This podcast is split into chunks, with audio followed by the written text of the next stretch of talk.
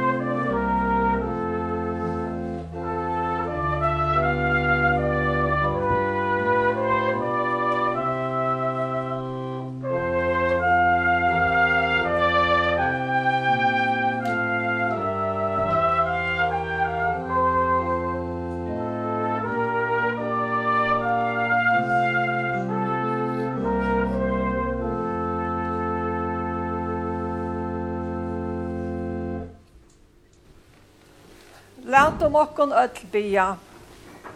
Herre, er i innkommen hetta heilaja hus tutt at høyra. Hva du to, god feir, skapare moin.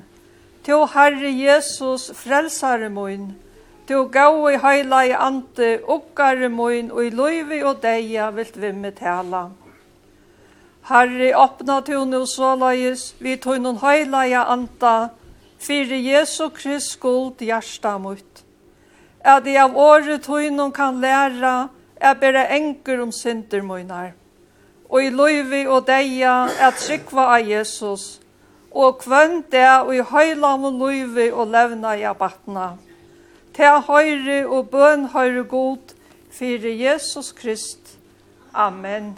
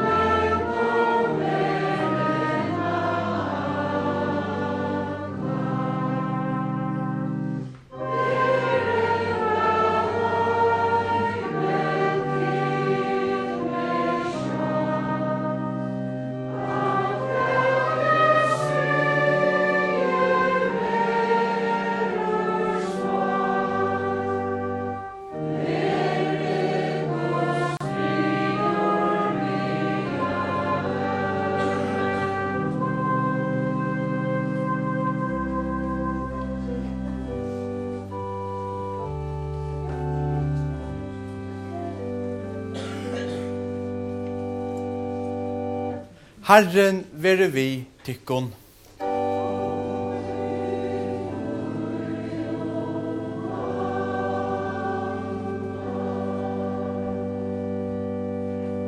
Læt hom okkun öll bia. All valde er vi god. Vi takka til tog jeg tog vi øynborna sine tog Jesus i Kristi, hever grunda kyrkjutøyna her av folton, og kalla okkon inn i samfella torra høylavo. Vi ber til at tu vi tøynun høylava anda vilt velaja okkon og sam sannløyka tøynun til tess at vit me halda fast vi årtutt og trunna av nage tøyna, som tu vi deia sonar tøyns hever vunni okkon, vaksa og kærløyka og, og ötlun gavun gjerningun, og at enda vera sel allar ever fyrir han, som vi tær liver og ræver og i øynløyga høylava andans, og ein sannur god om altor og æver atlar.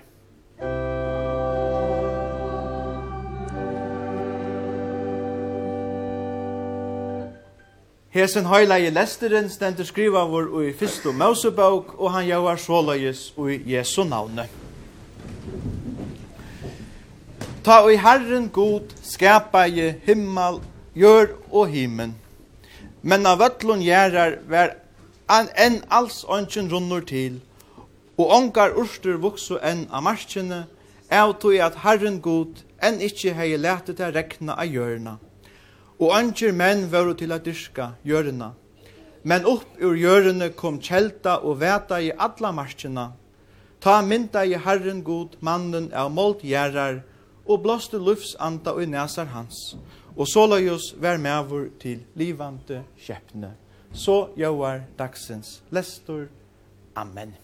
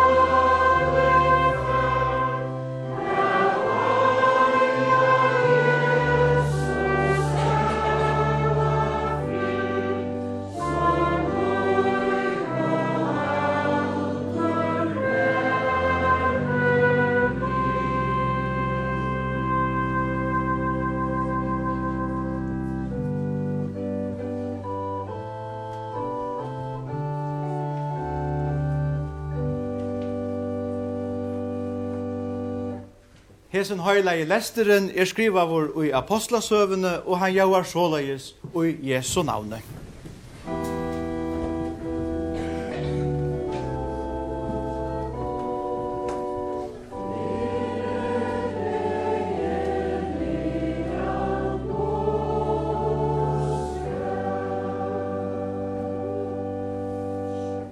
nu kvøyte sånne dæveren var kommen Vær tar atler saman komner av ein stegi.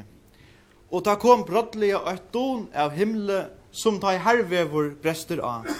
Og fyllt i alt huset som ta i ui. Og fyrir ta i mun tungur lyka som av elte som skiltost sundur og settest av ein og kvann torra.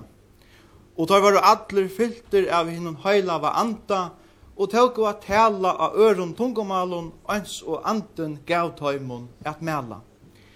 Men her var jøtar bosetter i Jerusalem, men i øktavust god, av ötlun tjauon under himmelen.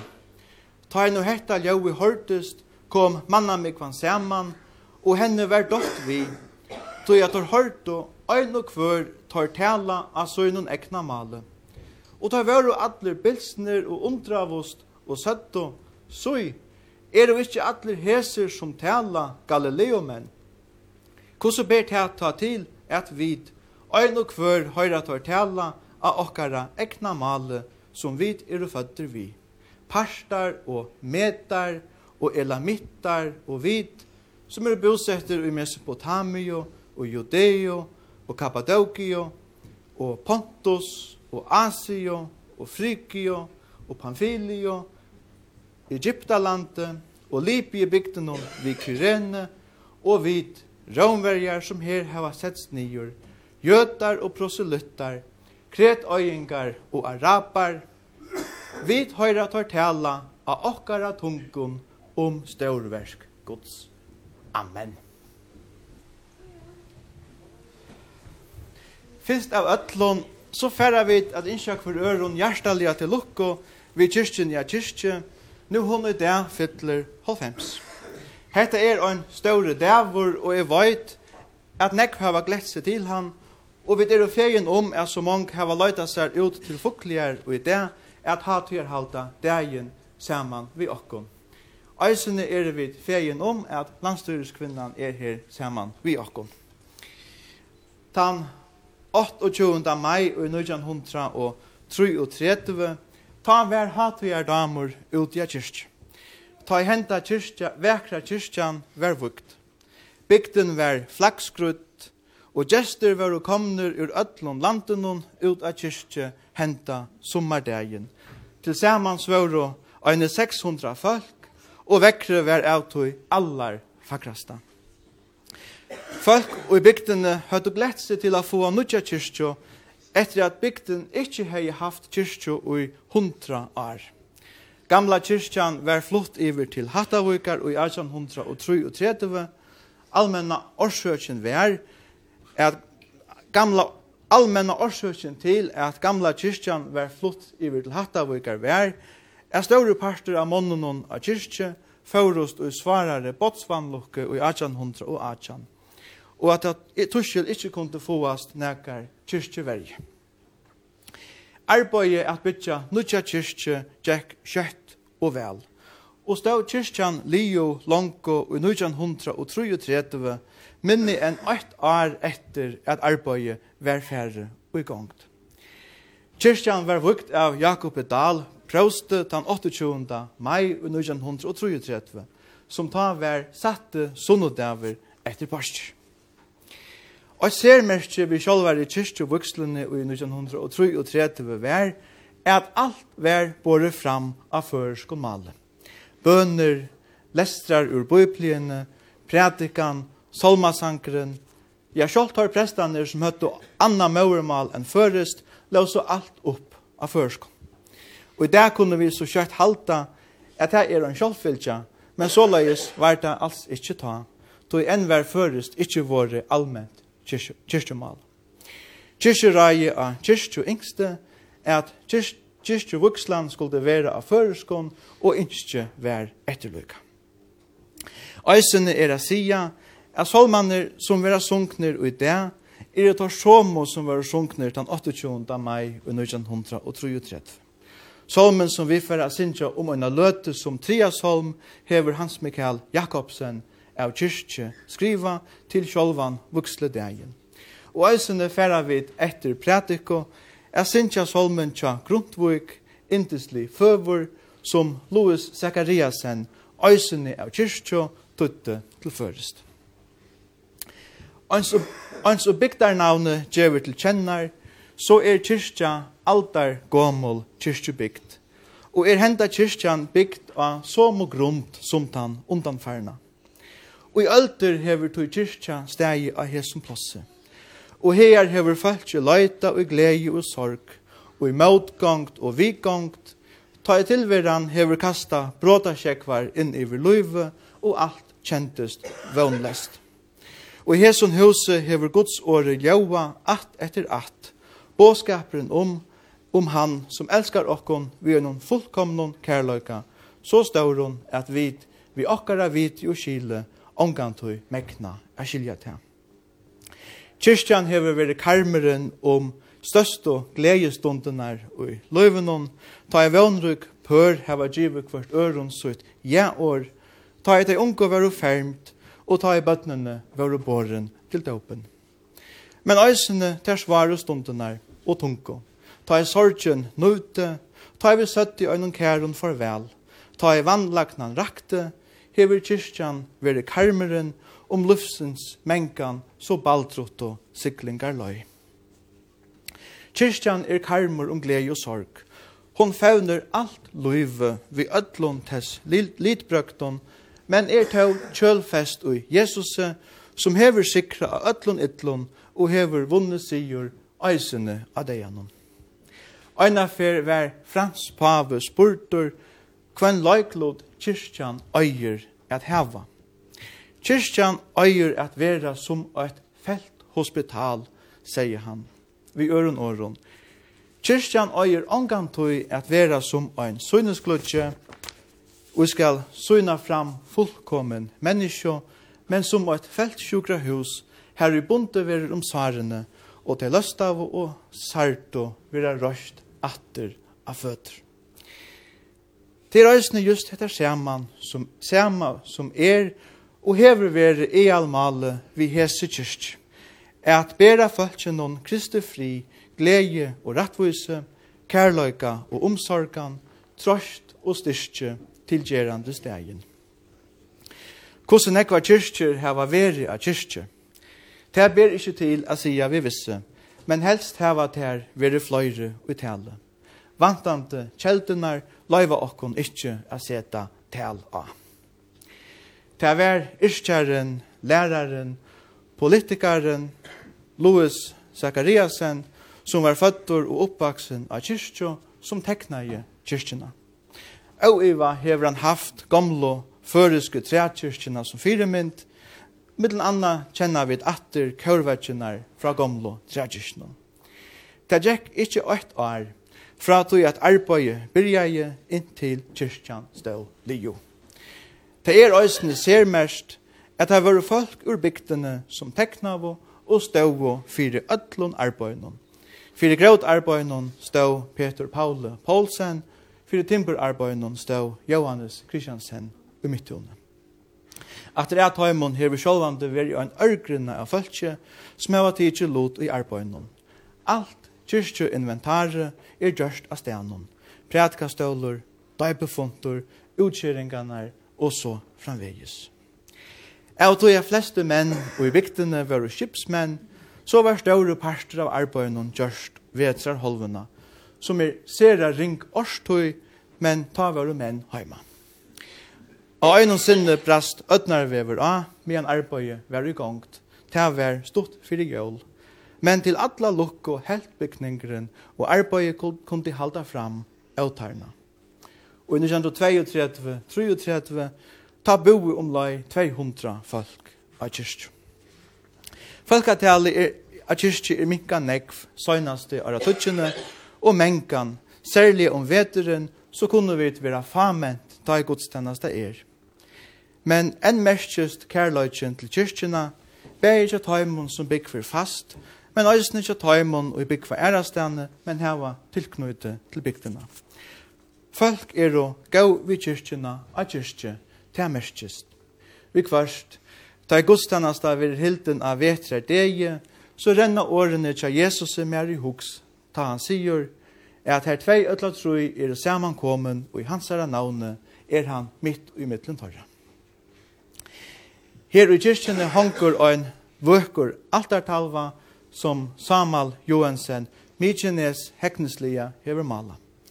Altartalvan uimyndar avvekri av Genesaret vatnenon. Av myndene sast Jesus bjarga Petere som er om at søkka, medan Jesus bodger seg nyer av hjelpånden. Hitja vid nærre at altarmyndene så sast at motivet tau er førest. Vi sutja vi er røye i bergsøyne og øysene melensfjall og i batunon sita viingar. Listamalaren hever tuskil av marstarlian hatt flott bibliosøvna iver a iver ui føreskan samanheng. Mykines mala i altarmyndina medan han var av verøye, og er, han, er hon hitt fyrsta boilekta verskje tja honom. Ta en batabitjar i a kyrkju var spurter, hvordan hon domt i altartalvuna var han kvikra sværa, at bateren var nå så nekv utlagtur i backbord. Hetta fratte Mykines og ari etter kom han ut av kyrkje er ratta altadalna. Og alt er det jo ikke noen standa årene til Peter ur som og bibelsøv. Herre bjerga mer. Det er just dette som er tjattnen og i kyrkjønner boan. Tog vi boa han som er okkara bjergare. Jesus Krist. Og i dette hus løyta vi bæg og i glede og sorg og ber alt det som bildjist okkon i barmø til hans herra som elskar okkon. Gav vi at hetta hus, eisen i utøyene som kjemer, kan vera noen av hesson sted og en grisdavur, her gjørstene kunne finna fri, glede og kvult. Gav vi at hetta godshuset, eisene fram etter, for jeg vera hese bygd og hese odj, og fölkjennom som her bor til glede og sikningar. Og så fer jeg en øyne fer at innskja ødlån hjertelige til lukko vi hese vøkru kyrkjo som i det fytler halvfems. Amen. Vi synsja så gjerne tan tria solmen.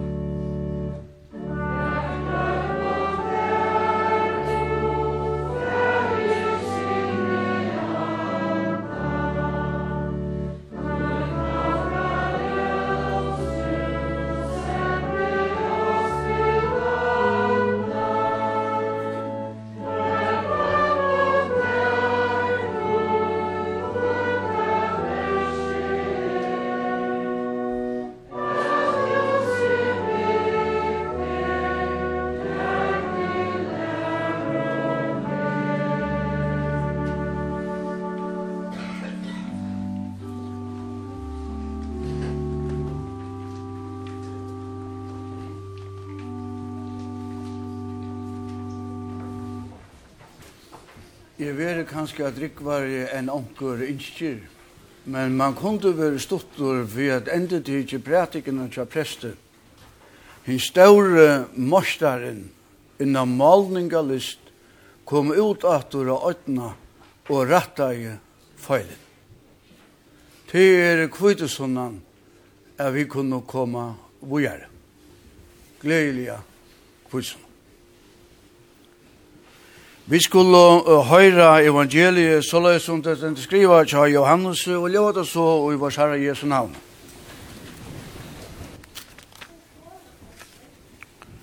Judas ikkje Iskariot, sier vi Jesus. Herre, hvordan ber det til at du vil oppenbere det for okkon og ikkje for i heimelen? Jesus sverar jo og sier vi igjen, Elskar nekar me, ta varvoiter han ormut, og fægir moin skal elska han, og vi skulle komma til hans herra og gjere okkom bostad tja honom. Han som ikkje elskar meg, han varvoiter ikkje ormoine, og år som ditt høyra er ikkje mutt, men fægirsen som sender meg. Hetta har vi tala til tikkara. Mian er var verande tjatikum. Men talsmæveren høyla i anden som feiren skal senda og i munn og navne. Han skal læra tikkun alt og minna tikkun og alt som jeg har sagt tikkun. Fri lærte jeg etter tjatikum, munn fri djevi tikkun. Jeg djevet ikke ikke ans, og heimeren djever, hjertet ikke øttest ikke, og reist ikke. Tid holdt du at jeg sier vittikon er færre bostor, og komme til tikkara. Elska vi tid med, ta høtt du det glettikon, at jeg færre til fægeren. Tog jeg fægeren er større enn jeg. Og nu har vi sagt ikon det her arenda hendur, fyrir jeg til skulle tryggva ta det er hent. Jeg skal ikkje langur tala negvi tikkun, då jeg høvdingen og i hesen høyme kjemur, og i mer øyer han alls åndsje, men fyrir at høymeren skal kjenne at jeg elsker feiren, og at jeg gjør såløy som feiren i boi mer, stand, stand opp Læt dem okkom færa hene. Heila i færi vi sier der takk for tutt heila i år. År tutt i sannløyken, Læt dem vise okkom vegin til sannløyka og sælo. Amen.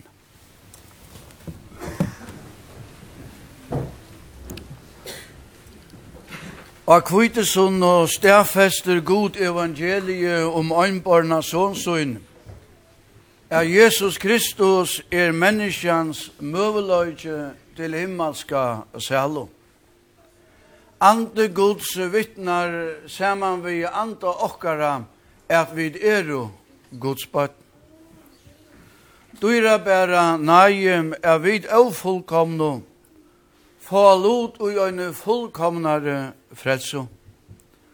Dyra bærer båskaper om fralse av vid og gjør dømt at dodja og sint og misgjerum vi trygg vera frelst til a liva atlar avers. Fyrir nekvun aren sujane vær Tyskland kipa som er kongarujtje. Søvan var fra a sige at øyna fyrir kom en lydel drongur nyan til kongsborgina. Han ville slippe inn til dess uh, halsa og på kongen. Hetta var lattare sagt enn gjørst, og utanfyr til ståra postre, tjekk og en vopnavur dora vörur. Dora vörurin flente tøy han hørte om atlandina tja høysen luttla, og be han færa høym. Drongeren vilde trøy og sleppe ikke svinnun og rønte a renna fram vi. Ta i vakta med over en høtt over riflene. riflene. Fjør dronkeren gratande ut ut og vøkro og via luntene og i la rundan om kongsborgina. Av Jesus møtte han en velglatt mann. Hetta var kronprinseren. Hvor greter du, Lutlemoen, spurte prinseren. Drongeren sier fra at han fegen vilde suttja kongen, men at han ikkje kunde sleppe inn. Jeg skal fylgja til her til kongen, sier kronprinseren og tåg ut håndena at du luttla drongenon. Tar jinko fram vi dora vørnum, så nu halsa i virslia. Så gjerne jinko dår og jøknon nekvar sælar, inn ut av fyna rum her kongeren er sett. Pappe, her er en lydel dronkur og innskjer av halsepate, sier prinseren. Kongeren tog blutliga i møte dronkjenen og tog seg vi han. Ta der skilt og skjav kongeren honen øyna mynd av prinsen og dronkeren farvel nøktur heim. Veveren inn til kongen var stangtur fyrir dronkinun, inn til soneren lauti honun ekkongt. Veveren inn til da himmelska kongen var stangtur fyrir okkum, inn til soner Guds Jesus Kristus, rutti okkum vegin til himmels vid eiasøynun av Golgata krosset, og opprøst av deia og grøv. Så Jesus sier, «Angen kjemur til feiren utan vi mer». Tuske kongeren gav drongenon oina mynd av kronprinsenon. Hinn himmelske kongeren gav okkon oina mynd av sinsuinon Jesus. Og hesa myndina sutja vid og i bøybline. Det er det underfodla vi Jesus er at han åpna i okkon og nudjan vi er. Nudja ergångt inn til himmelsens trånu. Sjål djingo vid avveges og viltus bostur av loj. Høylaver ante gjer vittnesboren og skriften livande. Til ante gods som vekjer trunna til lufs og til luiv og trivna vår her gods ante fær inn og vist. Biblian åpenberar okkon Guds son og år hans herra. Elskar nekar med og varvhøyter han årmot. Og fægjemoin skal elska han, og vi skulle koma til hans herra og gjer okkon bostad tja honom. Det er ikkje smaviges vidtjan at han himmelske god, og sonen tekka bygg og gjørstum varum åre om Jesus vajte luiv. liv. Tog det er åre Jesu og i heila var ante vekjer til luivs og gjørst om manna. Kvite sunnan ber bo om at sånne gods for øymater til himmels, og at himmelen nu er omboa våre gjørende vi om talsmanne og sted Jesu. Men talsmaveren heila i ante som feiren skal senda og i munne navnet, Han skal læra dykken alt og minna dykken og alt som jeg har sagt dykken.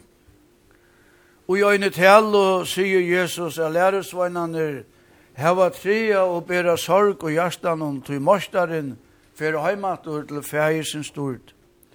Og Jesus sambande nøyde Jesus en setning og i verdur a letja seg og kjeima.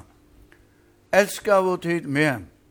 Ta høttu det glett ikkun at det færre til fægeren, tog ja fægeren er større enn jeg, og hetta understrykje det, til det sjoltan og nastan omgang tog at det var prætika om hendansetningen, tog ja fægeren er større enn jeg.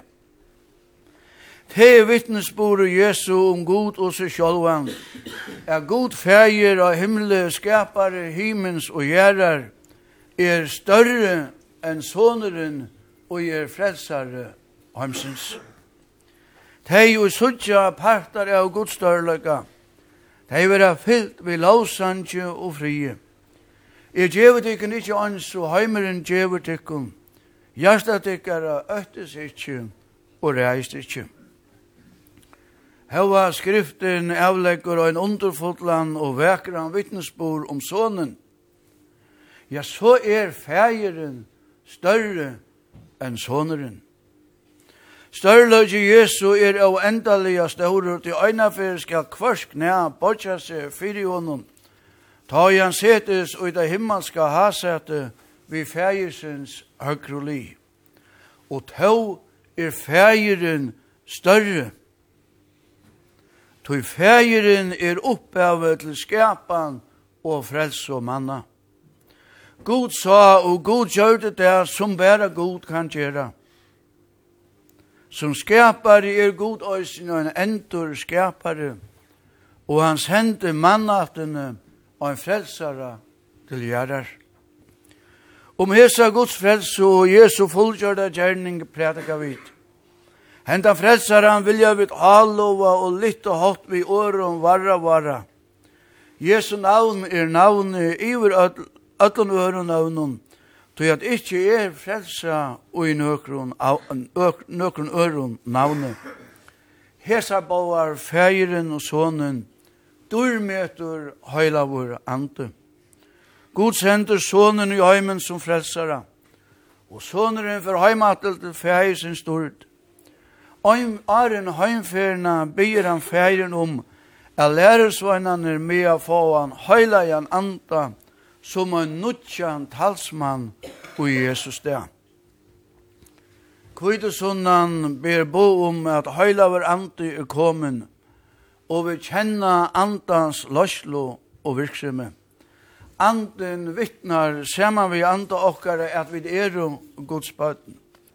Til det hetta som er det holdståra vi gode, at han som tror av sonen verer ikkje dømtur, Hette er og gledjebøyne til utan trunna, er og vid langt og dømt, då vi ikke hava tro av navn hins øynbarna Guds sonar.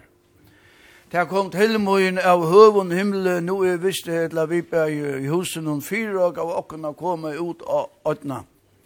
Ta kom til møyen som ljøs av høvun himle, og som fytling av høylavun anda. Sinaka godt og gagnlitt, Sinaka gott om Gud og Jesus. Tåsa om Gud, hesar boar, færen og sonen. Tøy om menneska, alt gott om okkon og alt gott om tykkon og ötlönnor. Tøy om menneska er og rønt og veru sem man omtykje ikkje så nekv a sia. Sind og tverlagar av imeskons leie, sind og i åron og verskje tåsa og stegin om god og Jesus og i høyla av en anda fyltur av visko fra gode.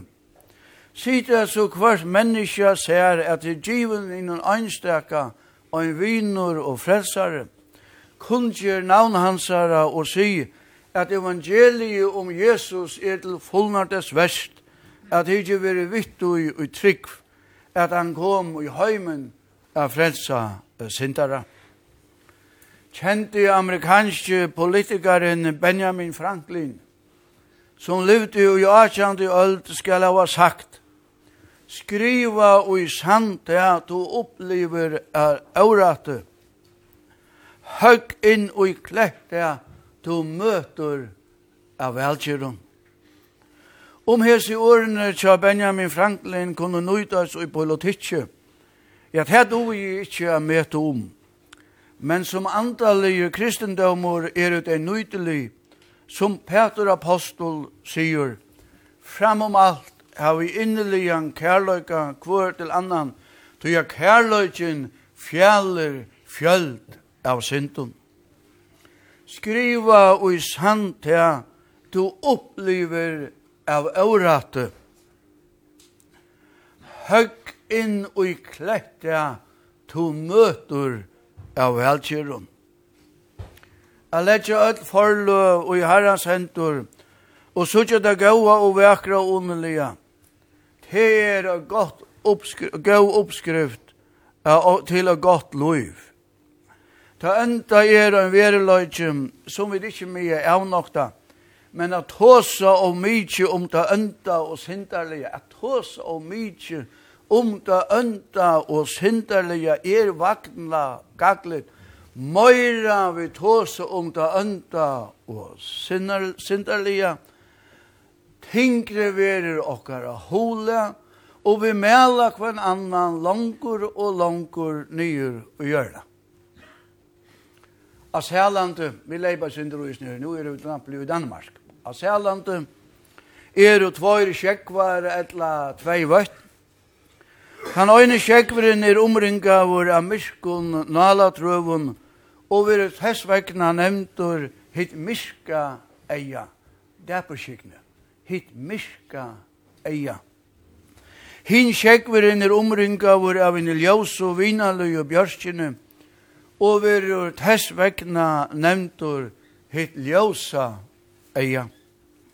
Heste var kommet, og skoreren skoren, Og Ari hei rønst minne vel, og bønden stod ute og i løvesynare, og hukte tungur ut ut av taumarummet. Annars var det vanligt at løvan var fyllt vi kottene, men nu var helten taum. Apropos enda kyrkjan er onket og halvfull. Det er hun proppfull. Hva sørst du?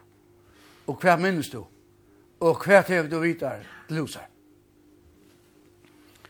Så han stærer inn i det tømme og heltene av løvene, kjenner han at onkur teker om høver hansara og dreier tog imot i ina i heltene og var full av kottene. Det var kona hansara som som mengan hei stola og trosta. Simar, simar mævumun, kvist er det ut i blindan og på te og i manglar. Hikk heldur at tøy som vid var i løvene, sier hon vinarlige. God djeve mer sjolvun og god djeve okkun og god djeve tykkun og utdøyts og hava allsins avbjøvingar Andreas vid som vid av meilanden må lese om av apostalen og i bløvnum fyrir vi om eksistera. God gjev med sjálfun at ljast eia og tykkun og tykkun er utått. Så vi suttja Guds stort og størleika og prætika gledjebåskapen om Guds fri og frelse og Jesus Kristi fyrir akkvart menneska. Sa er Guds stort og bær evangeliet kærleika til sindafotla nastamoin og så kunde jag hända kvitesunna var man själv og rykare og antalligare enn av. Jeg kunde sagt så mengt om løter ute av fogløytene. Det er var om jag underslöj och hals och en ärefer. Då vi skulle vågar i texten. Her levde jeg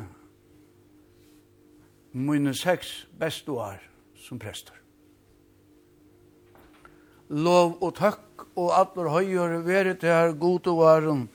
Fægir syni og heilaven anda som alt i hever veri, er og alt i veri og en sannur tru øyne god.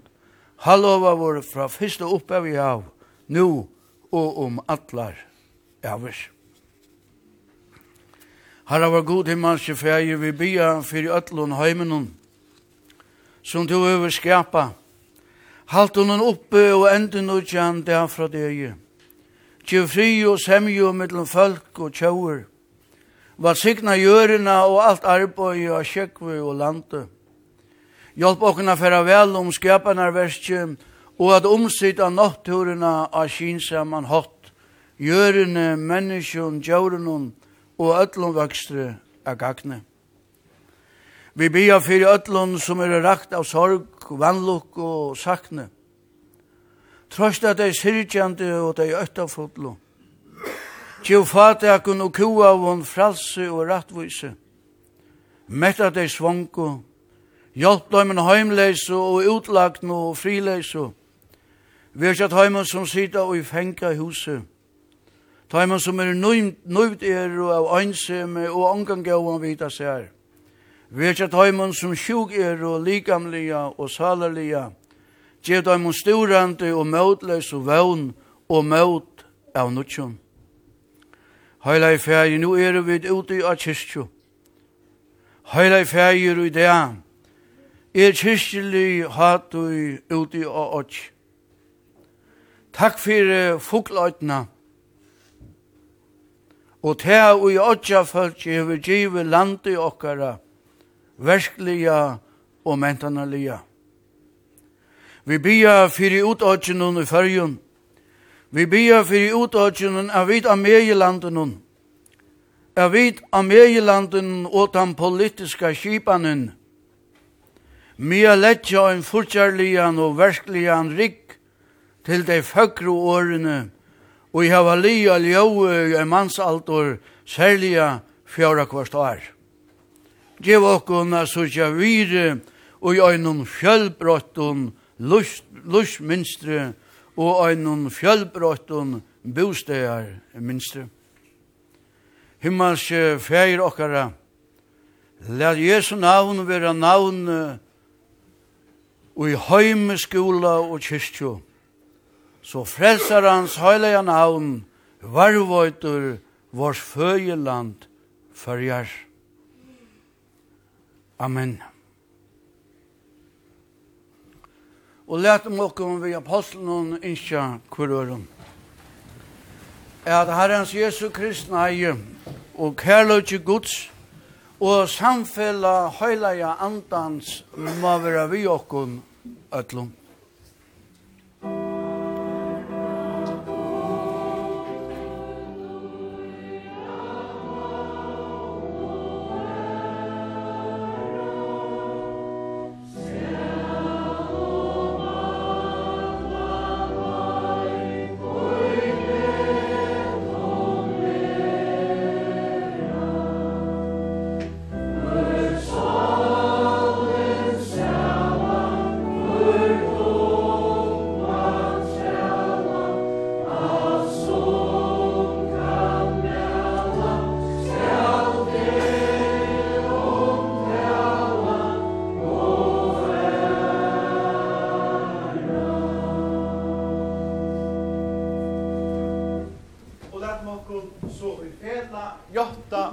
våra kristna trygg. Vid avnokta djevelen og allar gjerningar hans og atlan ætbor hans. Vi tryggva a god fægir hin alvalda, skapara himens og gjerrar.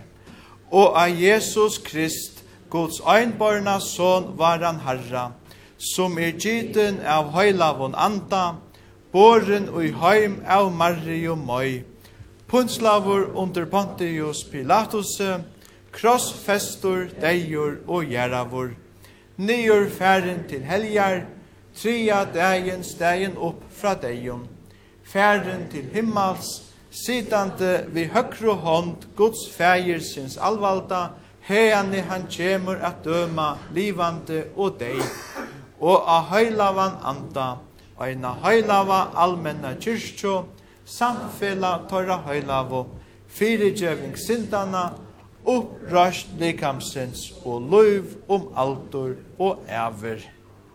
Amen.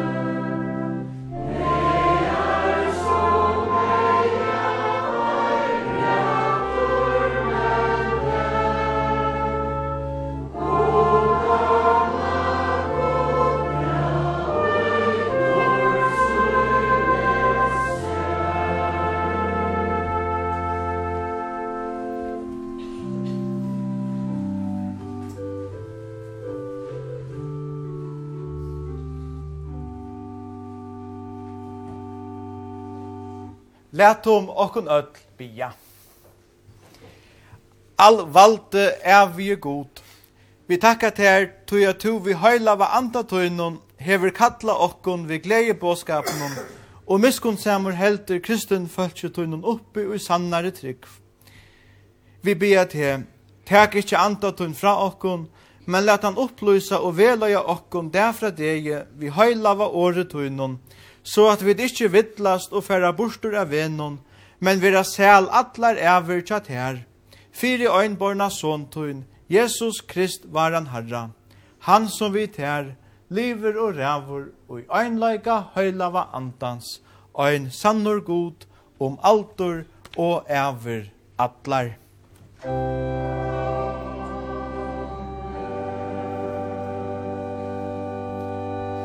Og tætjer vi sikning Herrans. Herren var sikne til og vær vøyde til.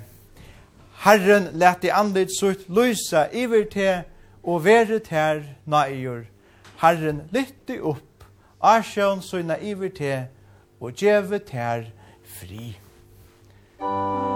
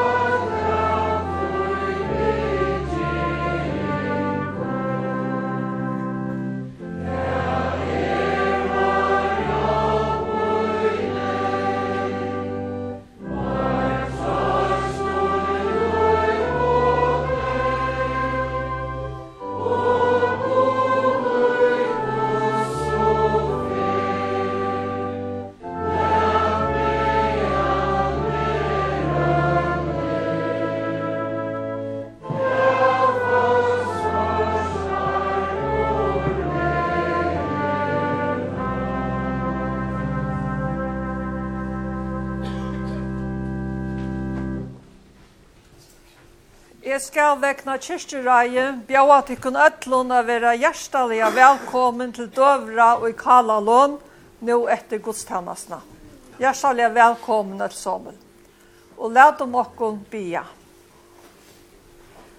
Herre, jeg takkje til av ötlun hjersta munnen, for at du hever lært meg hva du vilt, at jeg skal trykva og gjera. Hjalp meg nu, god munn, vi heilaja andatøynun, fyrir Jesu Krist skuld, at jeg må varvøyta år tutt i røyn og hjärsta. Jeg tog styrstjast i trunne, og i heilam må levna i batna, og medvit her og i løyvi og deia okka. Fægir var, tu som ersta himnon, heilagt veri navn tutt, kome rujtje tutt. Veri vilje tuin som i himne så jeg gjør. Gjev okkon og i det okkara dagliga brei. Og fyrir gjev okkon synder okkara, så som vid øysene fyrir gjev at heimon og i møte okkon synda. Og lei okkon ikkje i frastingar, men frels okkon fra til ytla. Tog jeg tøyt i rujtje, valdi og høyren, om atlar æver. Amen.